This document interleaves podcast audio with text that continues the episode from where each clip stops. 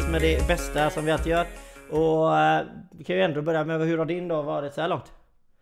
Eh, alltså jag, hela den här veckan har varit, jag har haft riktigt mycket att göra den här veckan faktiskt. Jag har haft många typ eh, företagsleads och sånt som jag har sprungit på och eh, som är nära på att bli business nu. Så jag har haft eh, riktigt mycket att göra både i veckan och idag faktiskt. Du har också haft mycket att göra idag va?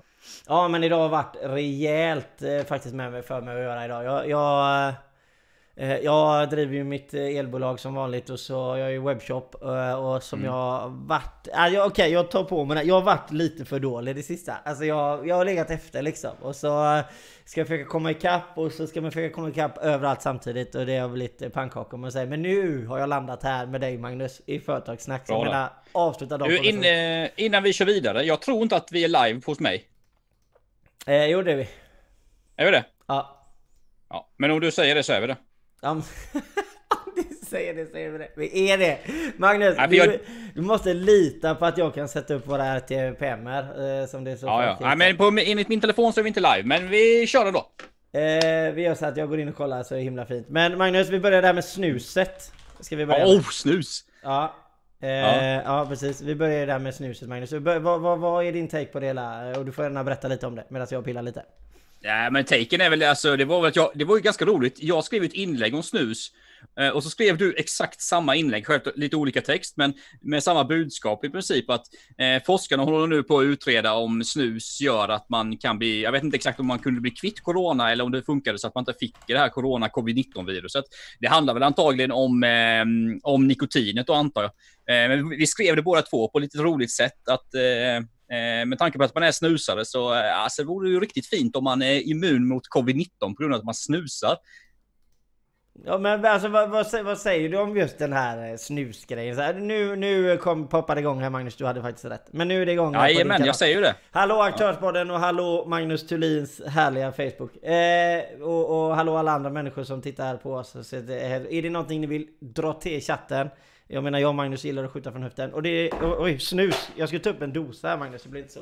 Ja, vi snackade precis lite snus och för de som inte såg i min stream då precis så eh, är det ju så att vi snackade om snus att det är forskare håller på att undersöka om det kan motverka corona och covid-19. Och då sa jag, ja men det vore ju fantastiskt, så mycket pengar som man har lagt på det här jäkla snuset genom åren så eh, vore ju det helt underbart. Men eh, det återstår att se. Vi får lyssna på forskningen och, eh, och akademikerna vad de säger. Men för vi hade ju även en min kanal som påpekade att han aldrig hade varit sjuk för att han snusade. Eh, Rickard ja. heter han. Och han sa att han är nästan aldrig sjuk på grund av att han snusar. Men jag säger att... Peppar peppar. Ja, jag kan säga att kanske inte riktigt kan ta det till att eh, vi kan påkalla det speciell forskning eh, så att säga. Men vi är glada för Rickards del, så kan vi säga, att inte han har varit sjuk ja. i alla fall. Så kan man säga. Alltså någonting som jag har hört dock, det är att med snus, att man, man förändrar liksom salivflödet i munnen. Så det är svårare att få hål. Eh, jag har faktiskt aldrig någonsin haft ett hål i mina tänder. Eh, peppar peppar. Nu, jag är ju ändå liksom 30, snart 38 år, så jag är ganska imponerad av det. Sen om det beror på snuset eller om eh, det är så att min mamma och pappa gav mig arv bra tänder, det är en annan fråga. Ja, det är sant. Men eh, om, vi, om, vi, om vi börjar med det här med eller vi fortsätter med snus, ska, ska börja med. Hur, hur stor chans är det att det är lobbyverksamhet? Alltså hur stor chans är det att eh, eh, alltså någon snustillverkare har betalat för att eh, komma ut med de här nyheterna? Alltså, det, är, alltså det är ju så här att Eh, lobbying inom eh, tobaksindustrin är ju ganska extrem. Eh, både från eh, svenska företag och intresseorganisationer, men också amerikanska, europeiska. Det är klart att de vill ju sälja sina produkter, så eh, jag kan inte svara på om det är så. Men eh, alltså, jag skulle inte bli helt förvånad om det är någon som har släppt en liten eh, ja, nyhet eh, genom eh, någon lobbyverks, eh, lobbyorganisation eller så. Det vore ju inte helt otippat faktiskt. Nej men för jag tänker bara att det var så himla intressant just Alltså helt plötsligt så kom det ut på fyra medier samtidigt. Typ bara pang mm. sa det och så låg allting ut samtidigt. Då tänker man liksom Alltså är de synkade liksom? Eller vad händer? Men jag ska absolut, nu ska vi inte gå in i för hårda konspirationsteorier så att säga. Men vad betyder det för svenskt näringsliv om det är nu påtalas att eh, snus eh, motverkar covid-19. Vad hade det, hur, hur, hade det påverkat Sverige som liksom industriellt land på något sätt? Hade vi... Ja, hade vi... ja men det, det, det, är självklart. Det hade ju, alltså EU hade nog hävt försäljningsförbudet på snus inom EU eh, ruggigt snabbt skulle jag gissa. Eh, nu, nu vill ju inte jag att det ska liksom hävas på grund av den orsaken. Det känns lite tråkigt liksom. För jag tycker att snus ska vara tillåtet för försäljning inom hela EU, men det är det ju inte idag. Liksom. Så, men självklart hade det ju en sån sak, eh, både om det hade blivit av den här orsaken eller om det hade blivit tillåtet generellt, så hade det ju gjort extremt mycket för svenskt näringsliv. Eh, vi har ju många snusbolag i Sverige som tillverkar snus och säljer på den svenska marknaden. Eh, så det hade ju såklart gjort väldigt många jobbtillfällen liksom, och drivit intäkter till eh, svenska bolag. Så Ja, jag, är, jag är ju, ser mig själv som, jag, är, jag, jobbar ju inte som lobbyist, men i och med att jag snusar och jag tycker att vi ska ha en fri marknad inom EU, så tycker jag självklart att man ska få sälja snus inom EU. För fasen. Absolut. Ja men det hade varit bra för svenskt företag.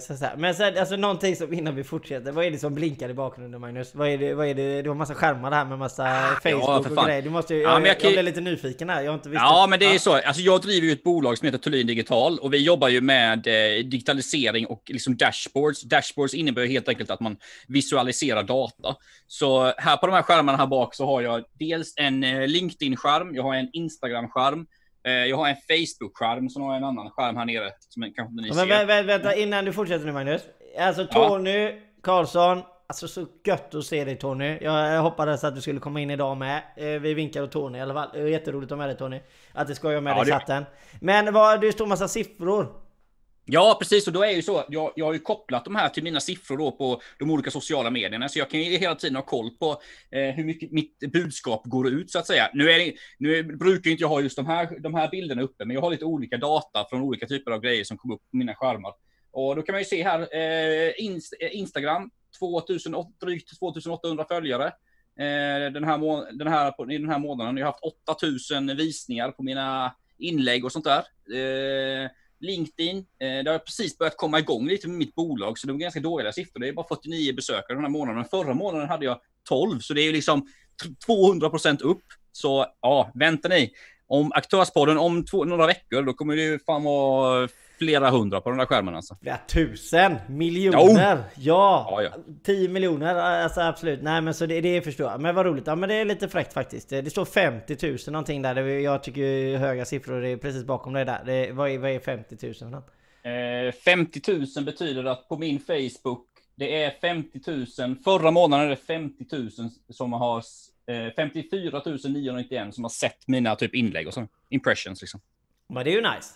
Det är ju riktigt ja, nice. För fan. Ja, det är fem. Ja, ja. herregud, det hade varit ja. riktigt bra. Skulle, kan, kan, man nästan kalla mig kändis eller? Ja, ja. ja. B-kändis eller C-kändis eller D-E-kändis?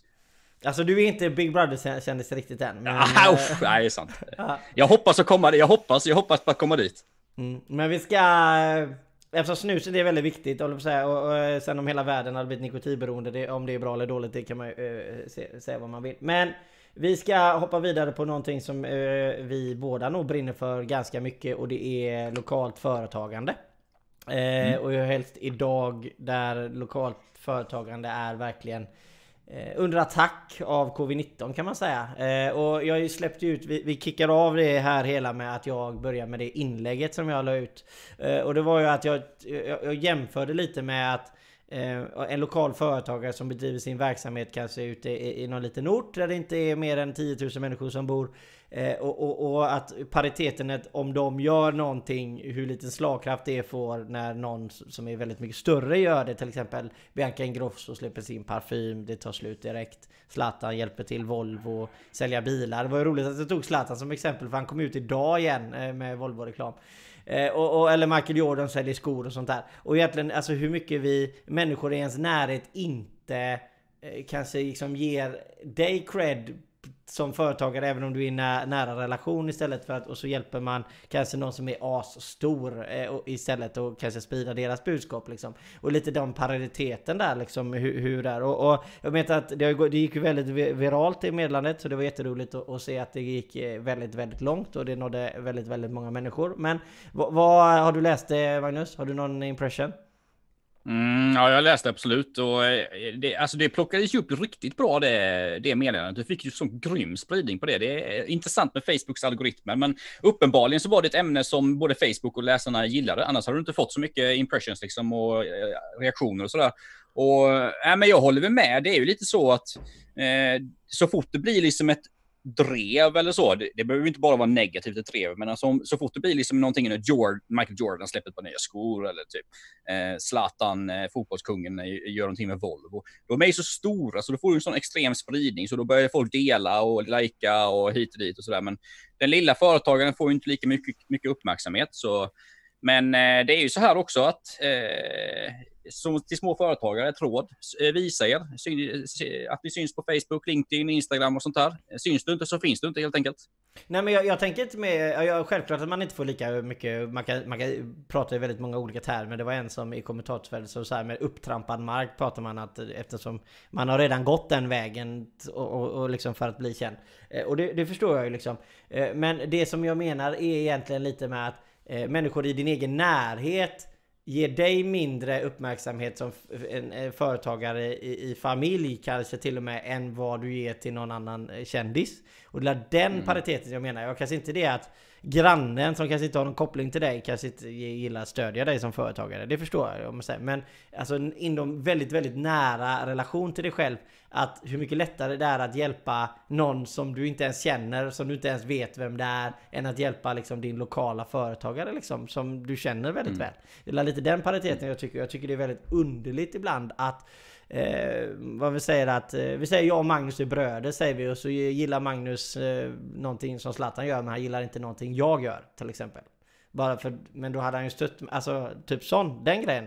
Vad, är det bara är det bara jag som tycker så, tycker lite att det är konstigt eller är det... Är, är, vad... Nej, men alltså när, när du tog upp det på det sättet så är det ju ganska konstigt. Eh, jag vet inte, det är lite människans beteende liksom på något sätt att man Eh, ja, man, like, man gillar det som är hett och inne och sånt där och sen kanske man glömmer bort det här lilla ibland. Jag vet inte, det har kanske någonting med det att göra.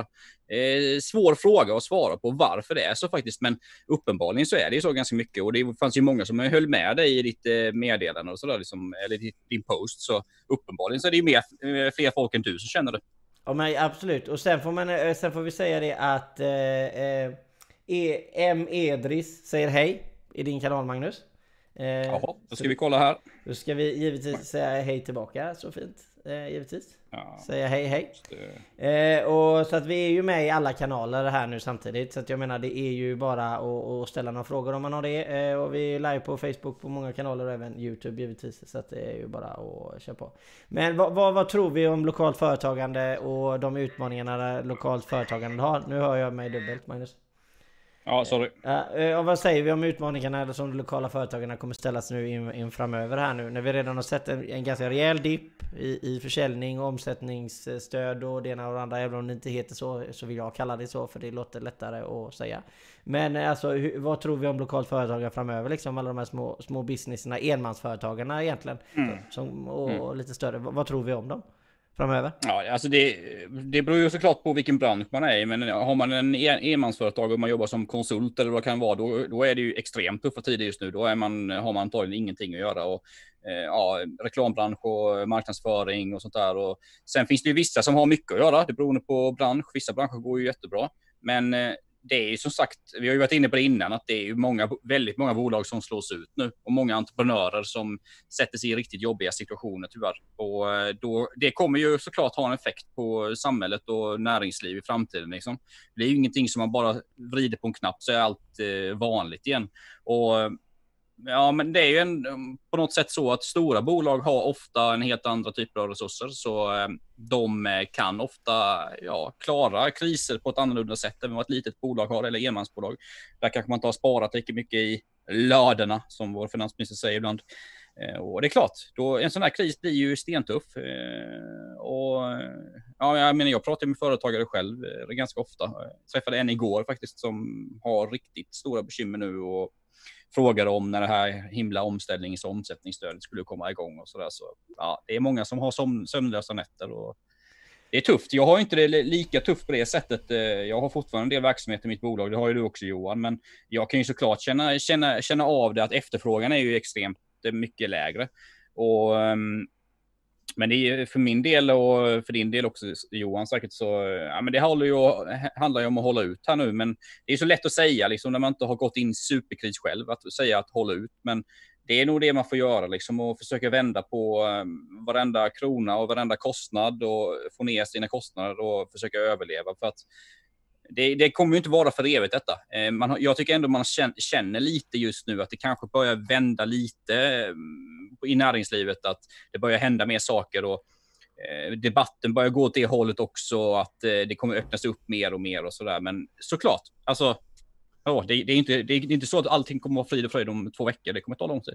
Ja, nej men precis. Alltså för min egen del i mitt eget företag, om man ska säga det, så, så sitter jag ju utan... Eh, vi tog ju aktieutdelning förra året. Eh, eller jag gjorde. Mm. Eh, så det betyder ju att jag kan inte få något stöd. Så att, eh, jag, jag har ingen eh, vad heter det, livrem och hängslen så att säga. Men eh, vi går jättebra så att jag ska inte säga så. Och vi sitter i en bra bransch just nu. Och, så att jag menar, jag Eh, för min egen del så...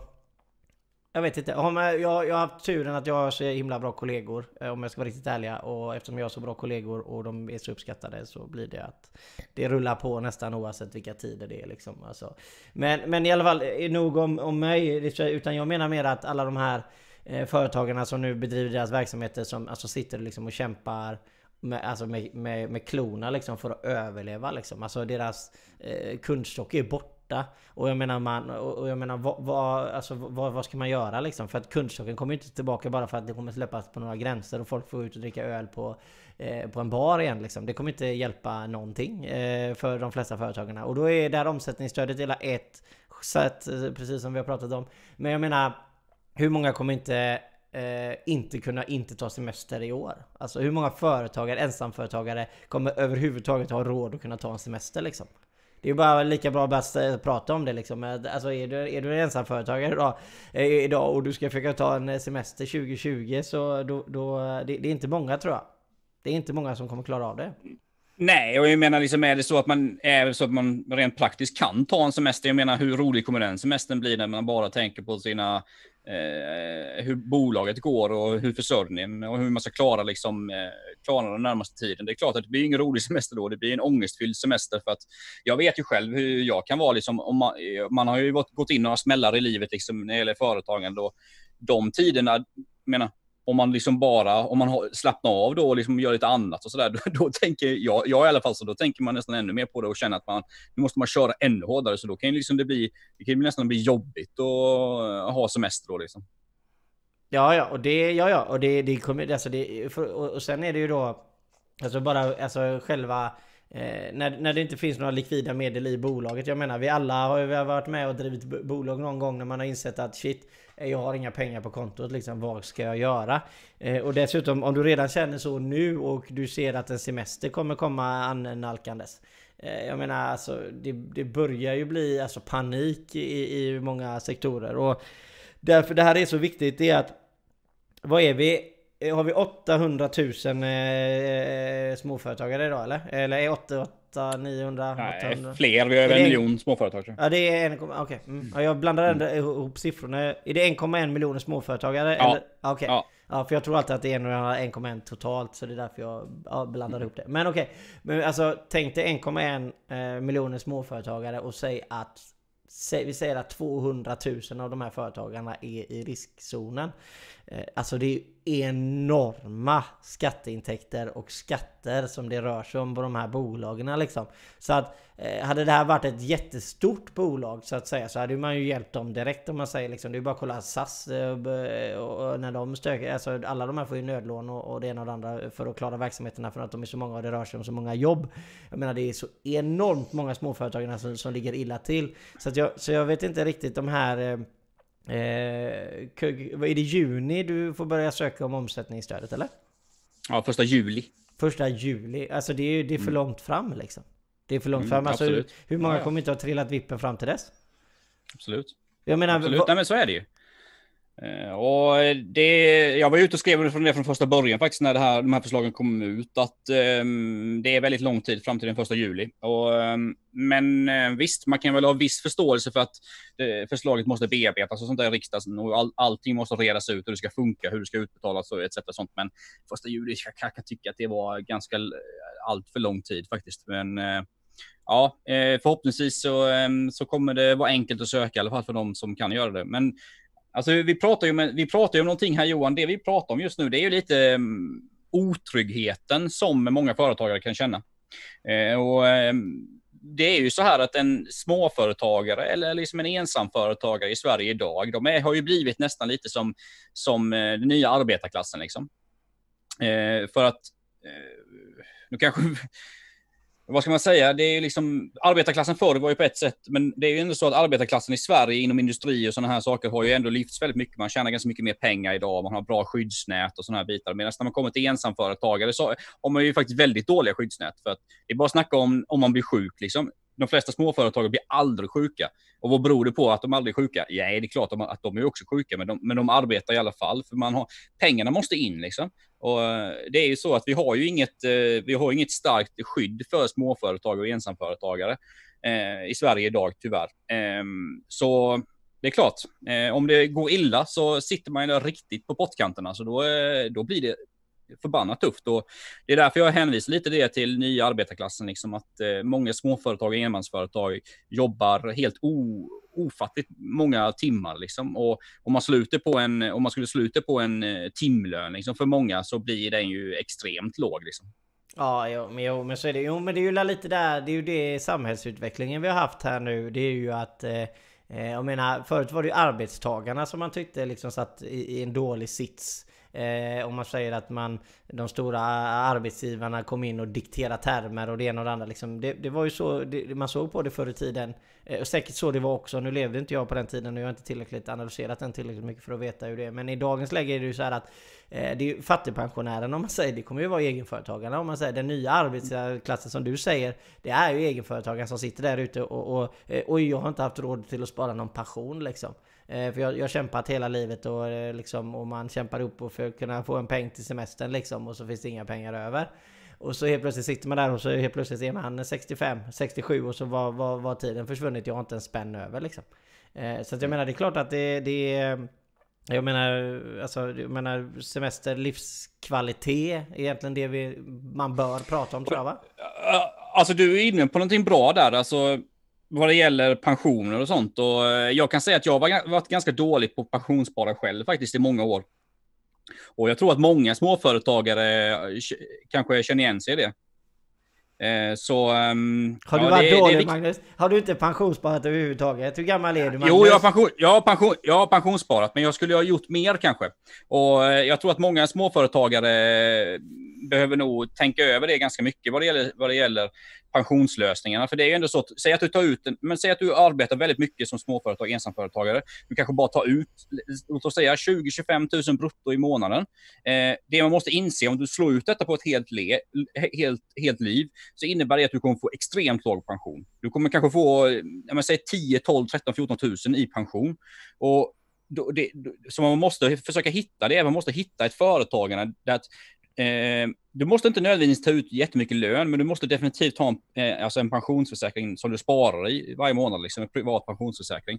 Det är, det är jätteviktigt för att eh, svenskt pensionssystem är inget bra. Alltså det är, tyvärr har det blivit riktigt dåligt för många, eh, för, för många nu för tiden. Om man jämför med till exempel våra nordiska grannländer som har helt andra nivåer på pensionerna. Eh, så eh, idag krävs det nästan om, om, du är, om du har en ganska, i alla fall om du har en, en låg lön eller medellön så krävs det nästan att du, du pensionssparar vid sidan om. Alltså. Jo men alltså din, din pension har ju blivit, eh, alltså, om man ska jämföra det, det är ju nya Socialstyrelsen liksom, existensminimum liksom. Alltså i princip, jag menar om vi ska se till valutautveckling och, och inflation och sånt här möjligt. Så jag menar har, har, du bara tjänat en lön på 25 000 brutto och så plötsligt går du in i pension så är det, det är inte riktigt så illa som existensminimum kanske men det är inte långt därifrån så det är klart att du måste eh, spara i pension. Eh, eller alternativt spara i en kapitalförsäkring eller spara i, ja. alltså ja. ha pengar på ett konto liksom. Eh. Ja, alltså, sparande... Men så händer detta alla... Magnus, så händer detta. Ja. Så händer covid-19. Så har du sparat mm. ihop en 300 000 på ett konto där du ska ha för senare i livet eller när du vill hitta på mm. några stora grejer. Så händer den här grejen och så... Mm. Ja. Och så är du helt Men då kan man ju... Då, men då kan man ju resonera som så, det är kanske bättre då att ha, att man, att man, eh, att man betalar ut 5-10 000 i månaden till en privat pensionsförsäkring som sitter i något traditionellt sparande eller vad det nu kan vara som, som man gör varje månad då så att säga, som, så att man inte kanske sparar på ett konto. Det, alltså, jag vill inte ge den rekommendation, men jag säger bara ett scenario. Det är kanske är bättre att liksom göra det varje månad så att har man det gjort så att säga. Eh, eh, Tony har en, en intressant fråga här. Vad har ni för tankar om förslaget om ändrade anställningsförhållanden som Vänsterpartiet kritiserat? Detta måste röra många småföretagare. Mm. Eh, vill du att jag ska ta den Johan? Ja, kör på. Kör på. Ja, alltså nu är jag ju lite part i målet. Måste ju, jag, det ska ju alla veta. Var, men var lite objektiv här nu då. Var lite objektiv. Ja, precis. Ja. Nej, men jag är part i målet för att är, ja. jag tillhör ett parti som har lagt fram det här förslaget. Liksom. Och, eh, men jag, jag som småföretagare, om jag försöker se bara ur ett småföretagarsynpunkt, så tycker jag ju att det är jättebra. Eh, jag tycker definitivt att vi behöver förändra vissa saker i arbetsrätten. I turordningsreglerna och flexibiliteten på arbetsmarknaden. Eh, svensk arbetsmarknad är väldigt eh, oflexibel, eller inflexibel, vad fasen man säger. Det, det är LAS vi pratar om, eller? Ja, det är ju många, det här har ju många sagt, LAS är ju en del av det liksom. Lagen om anställningsskydd, och, bara så om ja, folk precis. inte vet vad jag pratar om. Ja, precis. Men, men jag tror att Alltså hade jag fått bestämma helt själv, om jag hade lagt fram någonting som, som vad jag tycker, då hade jag nog tyckt att man skulle göra om det här fullständigt. Man skulle inte hålla på och lappa och laga i befintlig lagstiftning, så man skulle göra ett nytt system. Kanske något system som påminner om Danmark. Danmark har ett skitbra system som heter Flexi Secure, där man liksom, det, det är lätt eh, vad ska vi säga, från arbetsgivarens håll, det är lätt att göra sig av med medarbetare, men eh, det är också väldigt lätt att anställa. Och är det så att man blir arbetslös i Danmark så får man väldigt mycket eh, stöd, stöd, stöd, från staten direkt. Så det är ett väldigt flexibelt stöd. Så i Danmark är det så att man, man det är väldigt flexibelt att man hoppar mellan arbets, arbetsplatser och sådär. I Sverige har det blivit, eh, om man säger historiskt, att man jobbar på samma arbetsplats i många, många år. Det är, alltså det är inget fel på det, men det kan också vara att många sitter kvar på en arbetsplats på grund av tryggheten. Som det kanske skulle vara bra med mer flexibilitet på arbetsmarknaden. Så, eh, jag vet att vänstern är ute riktigt förbannade över detta och, och vissa socialdemokrater också såklart och facken och så. Men det, alltså, det är klart att de är det. Det ligger ju i deras intresse. Men det är ju deras väljare som, som, vill, som vill att de ska göra så. Så det är ju inget konstigt egentligen. Liksom. Men ska man, kunna, jag... ska, man, ska man som arbetsgivare kunna... Vi säger att eh, du driver ett... Eh, vi, vi, en företagare som har 10 anställda liksom. Eh, eller 20, jag vet inte, det är nya förslag. Men vi säger gamla 10. ska man bara kunna gå in och säga Du! Pelter Niklas, eh, ska man ju inte säga. Vi säger Bert. Du, eh, tvär, du får inte jobba här längre. Nej, det tycker jag. Alltså jag tycker inte kanske på det. Alltså, Ja, men alltså, alltså det är ju så, är så det är ju den, det är den här borta ja. så tycker man ju att jag som arbetsgivare ska bestämma alla som får jobba hos mig, det är jag ja. som bestämmer det i mitt företag. Alternativt så ja. tycker man att arbetsgivaren ska absolut inte bara kunna säga upp någon hur som helst på grund av att det har med människors Precis. liv att göra. Alltså... Precis. Ja. Och grejen är så att, och då, då får man försöka resonera lite kring detta då. då är, det är ju så här att för det första så är det ju så att det här förslaget har inte lagts fram än, så jag har inte läst hela förslaget. Det har varit i media och då läckt vissa saker, men det kommer ju komma på, nu på måndag, första juni tror jag, det här förslaget. Då, då kan man ju läsa igenom det, vad det liksom, vad regeringen och samarbetspartierna exakt vad kommer lä lägga fram. Eh, så det är svårt att prata om någonting som man inte exakt vet hur det kommer vara upplagt. Men självklart som arbetsgivare tycker ju jag och en småföretagare såklart att eh, det är självklart att jag vill ha väldigt mycket makt på vilka människor som arbetar på mitt företag. Alltså skulle jag inte säga det så är jag ju dum i huvudet liksom. Men eh, så detta gäller, det är ju en del med de här småföretagen. Sen när det kommer upp stora företag, medelstora företag, liksom då kanske man får resonera lite annorlunda tror jag. Men vad det gäller småföretagen så tycker jag att jag tycker absolut att arbetsgivaren ska ha mycket makt eh, vad det gäller eh, anställningarna. Men okej, okay, men alltså, vi, för, för, alltså, det finns ju bra och dåliga arbetsgivare. Samma som det finns bra och dåliga arbetstagare. Det måste ju alla förstå att det finns ju allting. Eh, alltså liksom sådär va. Den ena mannens, vad är det, vad heter det, vad är det med en terrorist i den andras frihetskämpe eller vad är det man brukar säga liksom. Och jag menar så är det ju i, i den här frågan också. Och då är ju frågan så här att, att egentligen, alltså oavsett vilka, re, eller vilka förslag som läggs fram eller vilka motioner som läggs fram och, och om de röstas igenom eller inte så handlar det ju i, i botten om Skall man kunna säga upp någon för att man blir förbannad på någon eller inte? Och det är egentligen det det ebblar ut på liksom. Ska man inte få göra det och man ska som i dagens läge göra det. Du måste betala. Du måste betala i princip. Du behöver ju horse-trada liksom med fackerna liksom. Här får du ännu mer mm. pengar för att kunna bli av med någon liksom. Mm. Eh, och, och, och, det tycker inte jag heller är, är rätt liksom. Men frågan är ju att eh, jag tänker mer liksom att man vill inte skapa en osäkerhet heller, men man vill inte skapa för stor säkerhet. Eh, på grund av att man ska, precis som du sa lite där, sitter man på en anställning, man har suttit på en anställning i typ eh, 40 år, liksom man har ju varit oinspirerad i 20. Eh, så kanske man ska söka sig vidare liksom. Men jag menar, jag vet inte om det finns en, en quick fix eller en easy fix eller eh, överhuvudtaget ens går att... Nej, nej men alltså det är ju så här Johan, och som jag sa innan, det är ju så här att de här förändringarna som, som som kommer läggas fram. Nu är, inte så, nu är inte så att det kommer bli så, för det är fortfarande parterna, alltså Svenskt Näringsliv och eh, facken som ska komma överens eh, i första hand. Om inte de kommer överens så kan det, kan det bli en lagstiftning. Men om man går tillbaka då till eh, som själva lagstiftningen, jag kan ju tycka att det här lappandet och lagandet i arbetsrätten och liksom sånt här. Jag tror inte att det är så jäkla bra, men det är det bästa som jag tror kan läggas fram just nu. Eh, på lång sikt behöver vi göra om den här liksom arbetsrätten generellt för att, eh, så att den är liksom up to date. Vi kan inte ha, liksom, vi kan inte ha arbetsrättsliga lagar som är 40-50 eh, år gamla och som inte är anpassade till svenska arbetsmarknaden idag och vilken typ av jobb det finns idag, vilken typ, typ av branscher det finns och hur människor arbetar med liksom egenföretagande, med gigekonomi och vad, anställningsformer och vad det sånt kan vara. Så jag hade gärna sett att man rör sig mer mot ett annat typ av system, kanske kolla lite på Danmark men också andra länder. Men i, i grunden är det ändå så här att det här behöver göras och det, ja, det tycker jag. Jag är arbetsgivare och jag är liberal, så det är klart, jag tycker det, absolut. Sen förstår jag att vissa inte vill att det ska, ska, ska göras, men det är min ståndpunkt i alla fall. Jag är också arbetsgivare så att säga, och jag är... Jag kan säga att det är helt allvarligt talat så, så jag är kluven liksom. Jag tycker eh, att i dagens, att man är bakbunden som arbetsgivare idag kan jag tycka i vissa fall. Man bara känner liksom shit alltså jag kan inte bestämma över mitt eget företag. Eh, kan jag tycka i, i många fall. Och så ibland så tycker jag att Oj då. Eh, det här det kanske inte var bra agerat av någon annan. Eh, så att jag, alltså det är... Ja, jag, jag, ska säga att jag är kluven men samtidigt så håller jag ju med om att Självklart, jag menar alltså...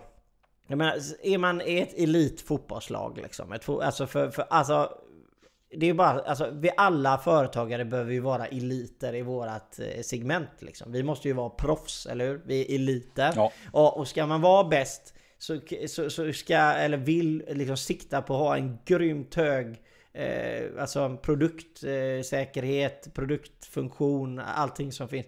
Då, då vill man ju inte ha människor som inte vill, eh, alltså då i ett fotbollslag så tradar man ju liksom. Så att jag menar, jag vet inte, det, det kanske inte går att göra kanske i arbetsmarknaden på samma sätt med tanke på säkerhet och allting sånt där. Men på något sätt så vill man ju inte ha med en slacker liksom. Nej, det är klart. Och, men grejen är att den här frågan har ju varit uppe i årtionden nu skulle jag säga och det är olika partier som har drivit fram och tillbaka. Och, men sanningen är ju så här att jag tror att de flesta innerst inne vet att vi kommer behöva förändra på arbetsrätten. Liksom. Eh, det vet man både från höger och från vänster. Och sen är det ju så att så fort man tar upp den här frågan då och börjar prata om den och diskutera den så blir det ju ett jäkla liv och då börjar i den ena sidan av politiken börjar snacka om det extrema på ett sätt, typ vänstersidan, och den högersidan börjar eh, prata på ett annat sätt.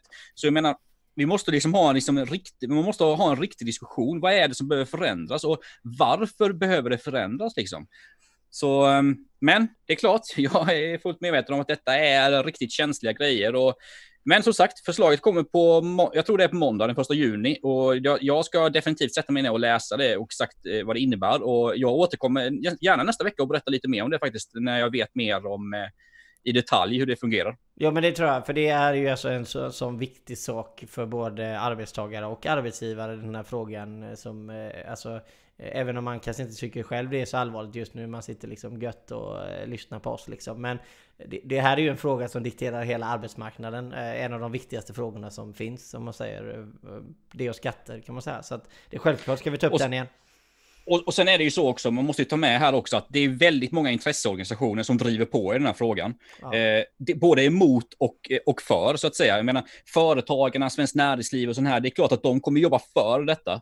Eh, beroende på att det gynnar, eh, alltså de är ju arbet, företräder ju arbetsgivarna eh, i företagen, så det är klart att de kommer driva på det. Medan andra intresseorganisationer, typ som fackförbund och vad det nu kan vara, de kommer ju driva emot det, för de är ju på arbetstagarnas sida då. Så, och menar, det är ju jag tycker inte det är fel, jag menar, det är väl bra, för då kanske man hittar någon kompromiss lite, lite, lite mitt emellan. Liksom. Men man måste ju också se att anledningen till att den här debatten kommer upp så mycket och varför den blir så het, det är ju för att det är sådana extremt starka liksom, intresseorganisationer som driver på från sina håll också. Liksom. Jo men precis, och så inser man ganska snabbt att alltså, ska man prata om det så ska man ju komma in på Aktörspodden och Företagssnack med Magnus och Johan liksom. Alltså det är här det händer, det är här vi snackar om det på ett väldigt bra sätt tror jag. Så att eh, eh alltså det är så bara. Det, är, alltså det, det, det finns inga konstigheter. Och givetvis pigglyx, studieledighet, vad roligt för dig. Eh, om du har det. Eh, och, och, så tackar vi så mycket till Vanessa. Oj, sorry. Som har följt. Ah, inga konstigheter. Eh, nej men alltså lokalt företagande. Vi, vi, eh, vi, har ju redan varit inne lite egentligen på vårat näst, eh, våra nästa topic här som är konkurser i april. Eh, vi pratade lite om det förra veckan. Vi ska absolut egentligen inte gå in i det så himla mycket utan 880 företag och det är fortfarande ökning. Det som vi ska fortsätta prata om lite det är ju den här hur mycket tror vi att konkurserna kommer öka i, eh, till semestern? Eh, tror vi att det kommer bli liksom en explosion Eh, efter semestern eh, i, eh, i konkurser i Sverige? Vad tror du Magnus? Vad är din take? Ja, eh, ja det, alltså, detta är så, himla, det är så himla svårt att förutspå alla siffror och sånt där hela tiden. Det är så mycket siffror som florerar överallt. Men eh, den, stalltipset är ju såklart att det kommer öka och det antagligen kommer öka ganska mycket. Eh, speciellt med tanke på att, att man kan söka då till de här omsättningsstöden först den första juli. Så mm, innan industrisemestern kan det nog bli en eh, hel del alltså konkurser, absolut. Eh, så, men ja. Mm. Vad tror du om arbetslösheten? Mm, arbetslösheten kommer att öka väldigt mycket. Det är jag helt säker på. Den har redan ökat ganska mycket. Eh, hur mycket den har ökat? Jag har inte sett de senaste siffrorna faktiskt, men eh, den kommer nog gå upp en hel del. Alltså det, det, är ju så här, jag har pratat om innan i den här podden, kolla på USA. De har typ 20 procents arbetslöshet nu. Alltså USA är, ehm, är motorn liksom för hela konsumtionen i världen. Så är det så att människor eh, förlorar jobbet i USA, de kan inte gå och handla de kan inte gå på McDonalds eller köpa leksaker eller vad det nu kan vara. Då kommer de konsumera mer, eh, mindre för att de har inte pengar för de har inget jobb.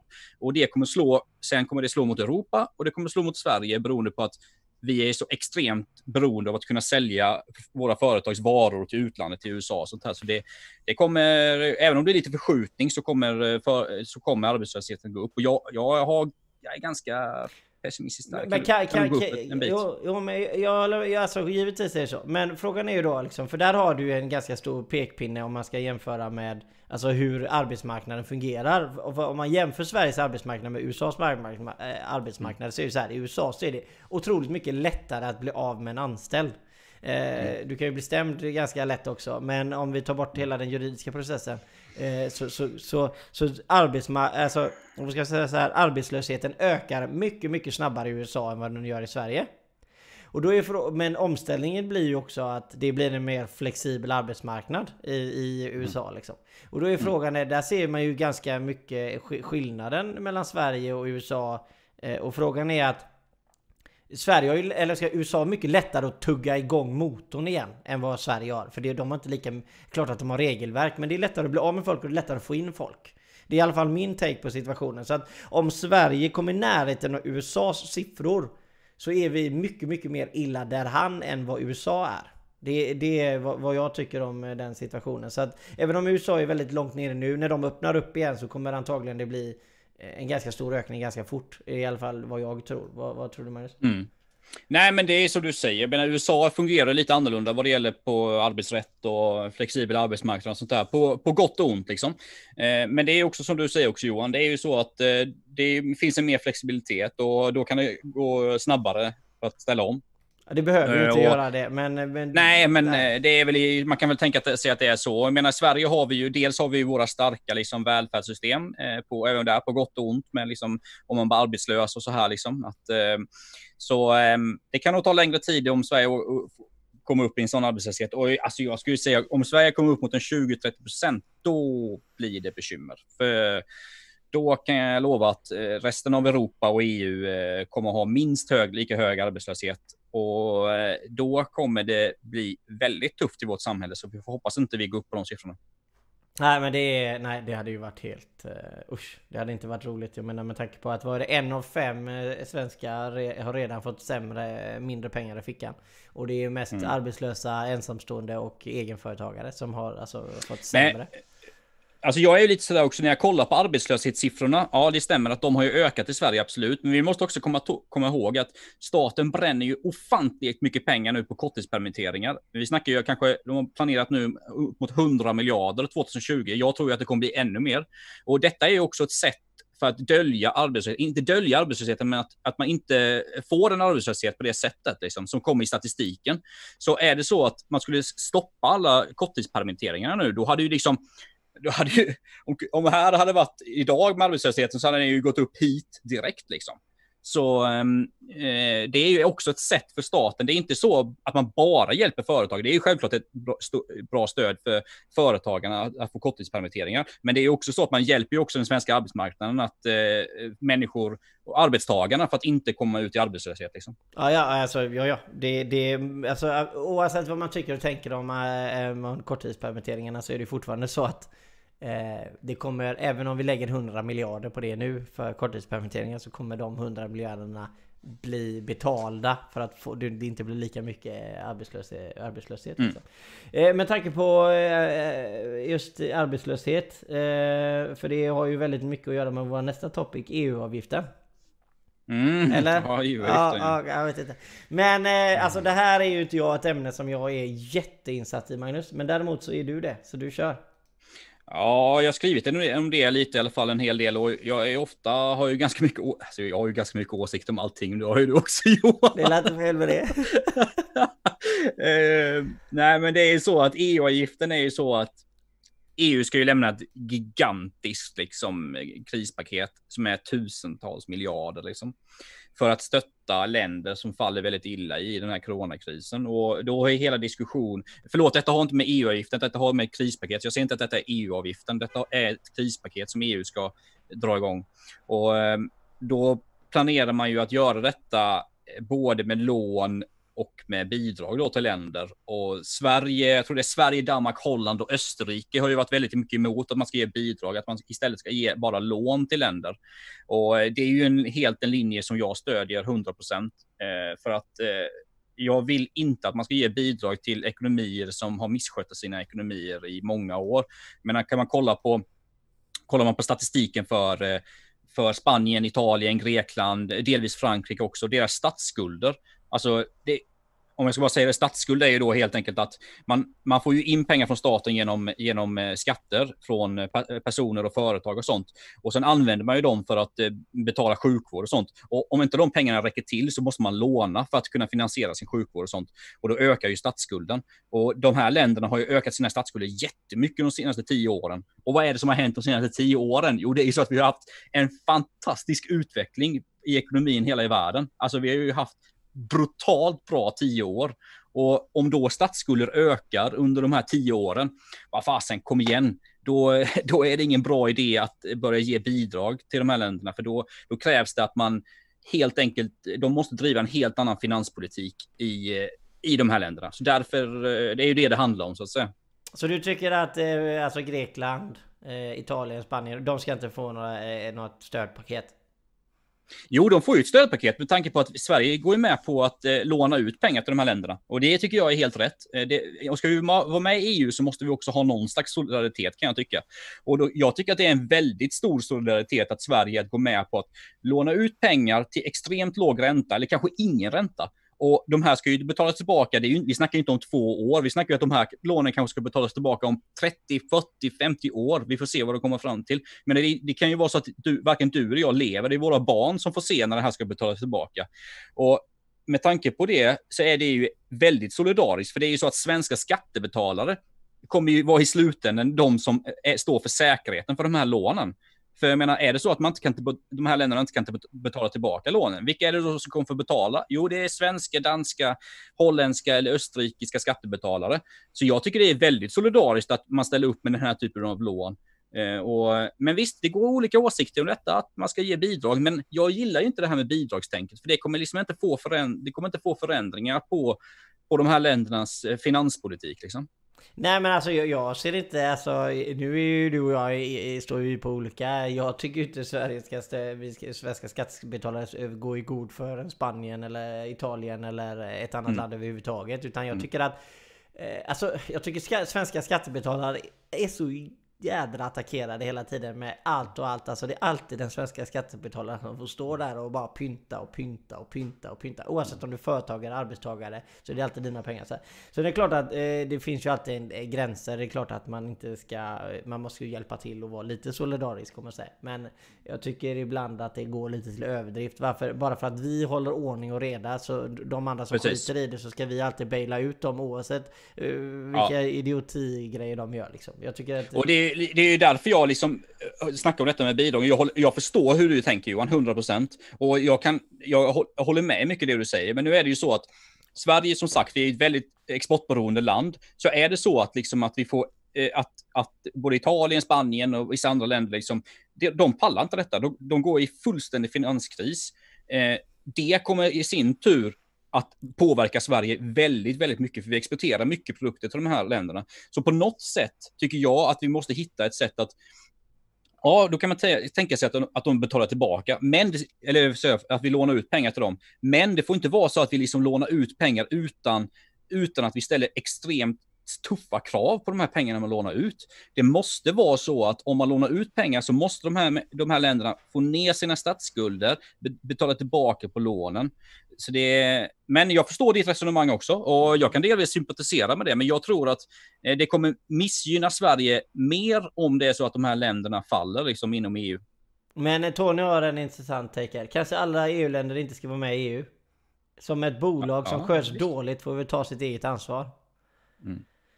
Eh, det beror på lite också hur man... Ehm, jo men nu, alltså covid-19, alltså absolut, jag köper covid-19. Det är alltså en världskris. Det är inget land i hela världen som kan eh, säga att man har varit förberedd på den här eh, pandemin. Liksom. Det, det är 100%, det kan du inte göra och säger du det så ljuger du. Liksom. Alltså, det är ingen som har varit förberedd på det. Vi kanske borde varit förberedda på det. Ja, det kan man tycka om man vill. Det är inget land som har varit det, så uppenbarligen så kan man... Och tycker du det så tycker du fel, för att annars hade ju i alla fall någon varit det. Men i alla fall, Eh, så, så, så, till, till, så, som Tony säger det är ju så här att om det inte hade varit covid-19 och Italien och Spanien och Grekland hade gått dåligt så hade vi fortfarande varit med och hjälpt dem vilket fall som helst. Och, och det är det som jag tycker lite och det är det som Tony sätter eh, huvudet på spiken här. Det är att varför ska vi stötta dem? Hade ett företag i Sverige gått i konkurs och det inte hade varit covid-19 så hade inte ens någon brytt sig för att hjälpa till. Eh, och nu är det här en större ekonomi och man hjälper alltid stora företag för att det skulle Spanien gå omkull. Då, då är det, men då, då, då är min fortfarande förundran är att som du sa innan Magnus, 10 år. Vi har alltså haft så mycket pengar i världen och det har bara ökat och ökat. Det har gått hur bra som helst. Mm. Hur kan inte statsskulderna gå ner? Hur kan de gå upp? Nej, precis precis. Och hur, hur ska vi se till att det, ja, vi kan ju inte göra kanske någonting Nej, men vi hade ju en situation, vi hade ju en situation för lite drygt tio år sedan med förra finanskrisen, liksom, där, eh, där, vi inte, där det inte var covid då, liksom. det var en finanskris. Och, eh, vad hände då? Jo, då fick ju Grekland ta extremt höga lån som väldigt mycket, eh, till exempel Tyskland finansierade. Och, ehm, för att rädda dem så att säga då. Och jag, jag förstår ju Tonys resonemang här och man kan ju definitivt ifrågasätta eh, EU, hur snabbt det har gått med utvidgningen av EU, liksom hur många som är med i EU och sånt här. Eh, det, sen, är, sen, måste man också ha i perspektiv, liksom, var, varför har vi EU? Är det bara för att vi ska kunna handla med varandra? Ja, nu, nu för tiden är det ju väldigt mycket så att man ska kunna röra sig fritt och handla med varandra. Men EU kom ju till en gång i tiden för att vi skulle ha fred i Europa. Liksom. Eh, och det är lite annan fråga. Så det är inte bara så att EU fungerar som ett, eh, som ett liksom där vi kan handla eh, och vi kan resa. Ja, för vår generation är det ju så. Men det finns också en, det finns en annan säkerhetspolitisk aspekt också att ha EU, att, eh, att man håller ihop, liksom, eh, att man hjälper varandra. För det finns det finns andra länder där ute som Kina till exempel, som jag har kritiserat väldigt många gånger, Ryssland och sånt här. Så ibland kan det finnas, finnas också ett värde att, att, att, ha med vissa länder för att inte de ska söka sig till, till andra ställen. Liksom. Så det, det här är ju fasen, det är en grym balansgång. Men, men är Ukraina med i EU eller? Nej, nej. Nej precis, och jag menar, och, och, hade de invaderat Polen då istället som är med i EU liksom? Eh, hade vi varit, eh, ja vi ska inte gå in på krig så att säga, men hade Ryssland gått in i Polen eller Finland då liksom? Hade vi... Hade Nej EU men grejen är att du har ju en, ja du har ju en bra poäng här Johan. Det är ju, det är ju så här att väldigt mycket av typ baltländerna, Polen, Finland delvis också. Alltså deras drivkraft att gå med i EU och kanske NATO också då till exempel. Det handlar ju väldigt mycket om att man, man ser på EU, EU-medlemskapet väldigt säkerhetspolitiskt. Vi, vi ser ju inte på det på det sättet i Sverige liksom för att eh, vi har inte riktigt haft det hotet. Men många länderna som till exempel gränsar mot, mot Ryssland, de har väldigt mycket den, de tankarna att man vill gå med i EU på grund av säkerhet. Och det är ju, det är om man kollar då på Ukraina, Ukraina har ju haft vissa samarbeten med EU om att kanske i framtiden kunna få gå med i EU. För de vill, eller alla vill inte det, men den, den, den västra delen av Ukraina i alla fall, de vill ju verkligen gå med i EU, för de, de är ju rädda liksom vad det är det säkerhetspolitiskt mot Ryssland. Så ja, det, det, det, det, är, det är svåra frågor detta och det finns så jäkla mycket man måste väga in alltså. Men sen tycker jag att du har en jättebra aspekt det här med fredsgrejen. Alltså eftersom jag är inte uppvuxen med... Vi är uppvuxna. Jag är ju en fred. Jag är uppvuxen i fred. Det har alltid varit mm. fred. För, för min egen del. Så det är klart att eh, det är jätte... Du vet när man säger att EU är ett fredsprojekt liksom. Eh, okej, okay, ja men det är det. Men eftersom man, eftersom man inte har levt med det när det väl kom till och man har inte levt... Så alltså det är väldigt svårt att liksom... Eh, du vet, jag vet att den aspekten och den aspekten är svinbra så den ska man ta till där. Men en annan har inte levt med den så då, då blir det ju att man blir lite blind liksom. Man ser inte den ja, aspekten ja, liksom. Eh, så jag vill ändå, jag vill ändå liksom poängtera det att jag är ju väldigt, jag är ju väldigt stor EU-vän liksom. Eh, men det betyder, inte att, det betyder inte att jag kan kritisera EU, för jag har mycket kritik mot EU. Men i grunden är jag väldigt stor EU-vän. Men vi måste verkligen komma ihåg detta att så som världen ser ut idag, eh, med hur det fungerar i USA, liksom hur, det, hur Kina håller, eh, håller på just nu. Kolla bara vad som händer i Hongkong med protesterna. Alltså det, det kan bli riktigt stökigt. Så jag tror att de här liksom fredsaspekterna och liksom säkerhetspolitiska aspekterna, de är väldigt viktiga den tiden vi lever i, alltså, så man måste ha med det också. Och, men ja, alltså Tony, jag, liksom, jag köper din kritik liksom. Det, det gör jag verkligen. Eh, per säger kanonaspekter från Magnus. Han har topp, formtoppat. Alltså Magnus, varenda gång alltså. Det är varenda gång. Det är så underbart att alla älskar Magnus. Det är bra att ni älskar Magnus som man säger. Då, då kan jag vara den onde så kan han vara den gode där borta. Ja. Eh, Men det kanske, du vet, Ja, du vet, jag har ju aktiverat min trollfabrik ja. här innan vi sätter igång. Bara, eh, säg att jag är duktig, säg att jag är bra. Det är ingen, det är ingen som vill vara med i min trollfabrik. Tyvärr. Nej. Eh, ska vi, Tony säger, är EU bra även nu? Skulle vi startat om ett nytt EU-projekt? Mm, ja, alltså, eh, jag, jag uppfattar inte frågan exakt, men jag, jag kan tänka mig att vi, alltså, vi skulle behöva starta om vissa mycket grejer inom EU, liksom, definitivt. Alltså, all den här liksom, bidragspolitiken som är inne i EU, till exempel, den skulle man ju definitivt behöva skrota och göra om. Eh, det finns ju många saker man skulle behöva göra om. Eh, ja, att man till exempel har två parlament, man åker mellan eh, Strasbourg och Bryssel, kostar sjukt mycket pengar för EUs skattebetalare, den här, den här liksom slöseriet med skattepengar. Så det finns definitivt saker man eh, kommer behöva Det finns, hi, det finns hiss och diss helt enkelt. Ja, ja, absolut. Eh, men är det någonting det är just inom det ämnet som du vill tillägga Magnus? Eller är vi färdiga med det ämnet? Nej, men jag tycker, alltså jag tror, ska jag, ska jag säga vad jag tror att det kommer bli för utgång av det här? Yes. Jag tror att det kommer bli så att Sverige kommer få ge sig. Eh, det kommer vara så att eh, de här länderna, Holland, Danmark, eh, Österrike och Sverige, då, det, det, kommer bli för hård press, på, för vi är ändå små länder. Och de stora länderna som Tyskland, Frankrike pressar ju på för att det ska vara, vara bidrag också. Så i slutändan kommer det säkert bli så att det blir en hel del bidrag. Men, alltså är det så att det blir så, Sverige och den svenska regeringen ska vara jäkligt tydliga med vad det är som gäller om de här bidragen eller lånen eller vad det nu kan vara. För att det får inte bli så här att det slösas bort skattepengar nu alltså.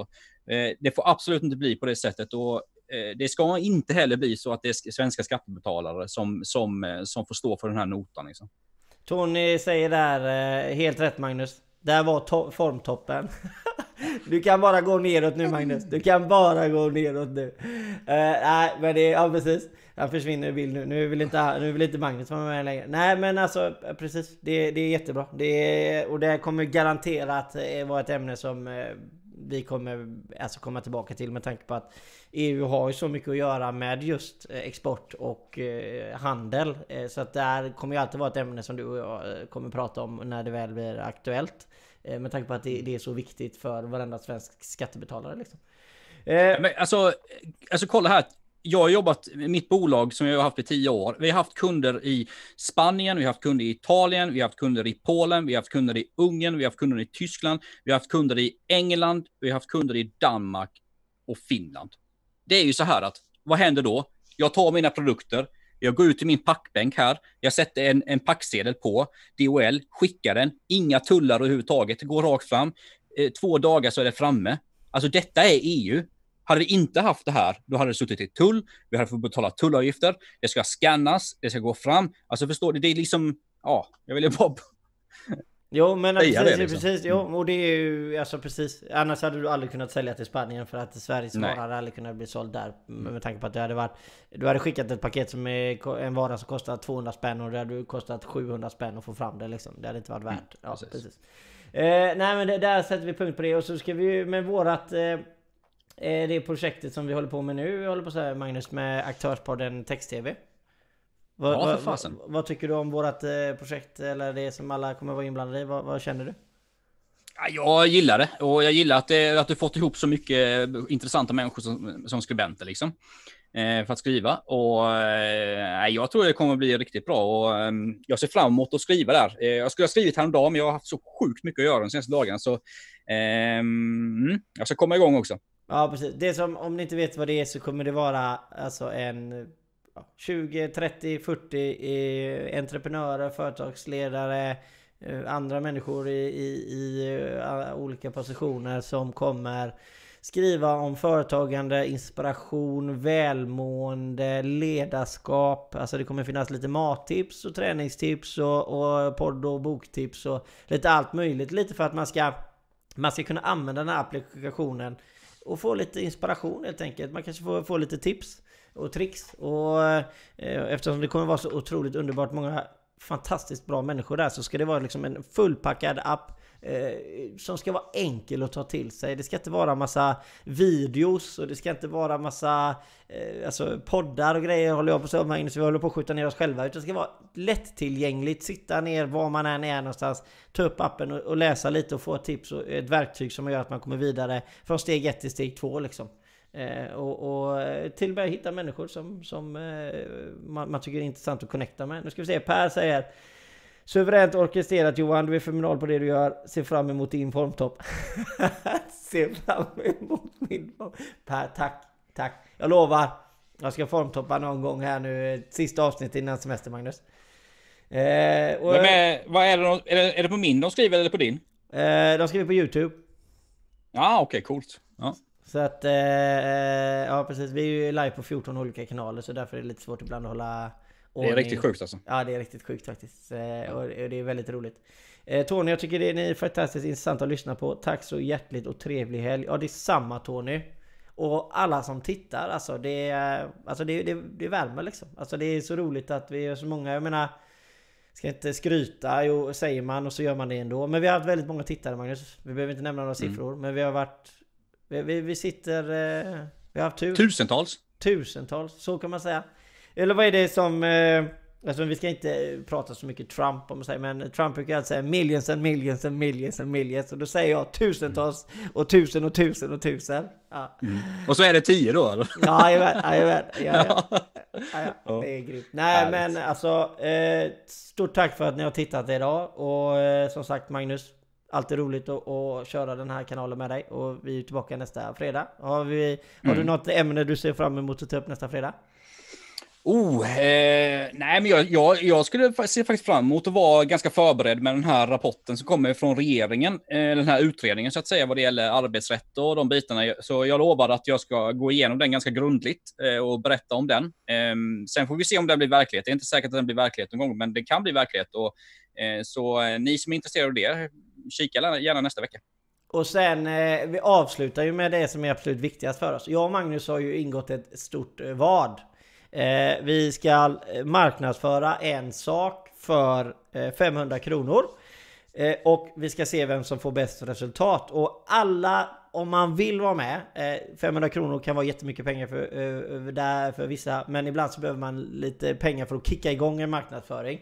Och varför säger vi marknadsföring? Det är på grund av att Eh, vi har olika storlekar kanaler på olika ställen. Därför blir det väldigt orättvist om säg Magnus är större på Instagram än vad jag är och så då blir det inte rättvist. Så därför säger vi att därför kör man en marknadsföring. Och då ska vi se vem som får eh, mest eh, av vad. vad. Vad är det vi ska göra Magnus? Nej, men vi ska ju göra så här att jag har satt upp lite regler för den här, för jag blev ju lite taggad. Jag och Johan, vi tävlar ju ganska mycket om, om många saker ibland på Facebook. Så jag tänkte så här att eh, om, om man får en timme på att producera en video, eh, då innebär det att det är totalt en timme. Det är liksom, vi kör ett startskott till exempel. Ja, men säg att vi börjar vid 12 på dagen. Eh, då får man filma sin video, eller man behöver inte filma, man kan göra vilken typ av video som helst. Och sen ska den redigeras och allting. Och sen totalt en timme. Eh, det innebär ju att ingen ska ha någon konkurrensfördel här, liksom att man ska kunna producera en supervideo någonstans. Liksom. Eh, sen ska den här marknadsföras på, eh, på Facebook genom eh, att få throughplays. Och då ska vi alltså, det vi söker efter då, det är kanske inte då den som får mest tittare, det är den som får lägst throughplay. Och throughplay är, en, är en, eh, liksom, eh, ett mättal inne på Facebook som innebär att eh, det billigaste priset man får för att folk tittar på den här videon. Liksom. Så eh, Tävlingen är alltså lägst throughplay på 500 spänn på en video som är producerad på en timme. Bra, och det ska vi, kommer vi lägga ut så att alla får vara med. Och har du ett resultat, om, om du vill vara med på den här tävlingen eh, och det kostar 500 kronor. Jag och Magnus kommer köra den även om det är bara vi som kör den. Eh, och då får man skicka in en screenshot till mig, info.modejohan.se så ska vi ta, tar vi med den upp i sändningen också. Jag ska gå ut med ett, ett litet inlägg om det imorgon också. Eh, på, på sociala kanaler. Men och det man... som man kan tillägga då, det, det är ju att det, ni betalar ju ingenting till oss liksom. Detta är någonting vi gör på Facebook som marknadsföring. Så det, vi har ju ingen vinning av detta liksom. Nej, nej, nej, nej. ni betalar nej. själva från eget annonskonto till Facebook. Ja. Så att vi, vi ska mm. inte röra några pengar. Eh, men jag kan säga så här att om du är med så, så, och om du vinner så betalar jag dina, då, då, då swishar jag dig 500 spänn om den, till den som oh, vinner. Magnus, gör du också det eller? Där. Ja, ja, för fan, jag är med på hälften av den. Mm, bra. Eh, skitbra. Nej men tack så hemskt mycket för att ni har tittat. Eh, och ha nu en fantastiskt trevlig helg. Och det är samma till dig Magnus. Ha en grym trevlig helg. Detsamma Johan. Ha det bra alla tittare. Ha det gött. Hej.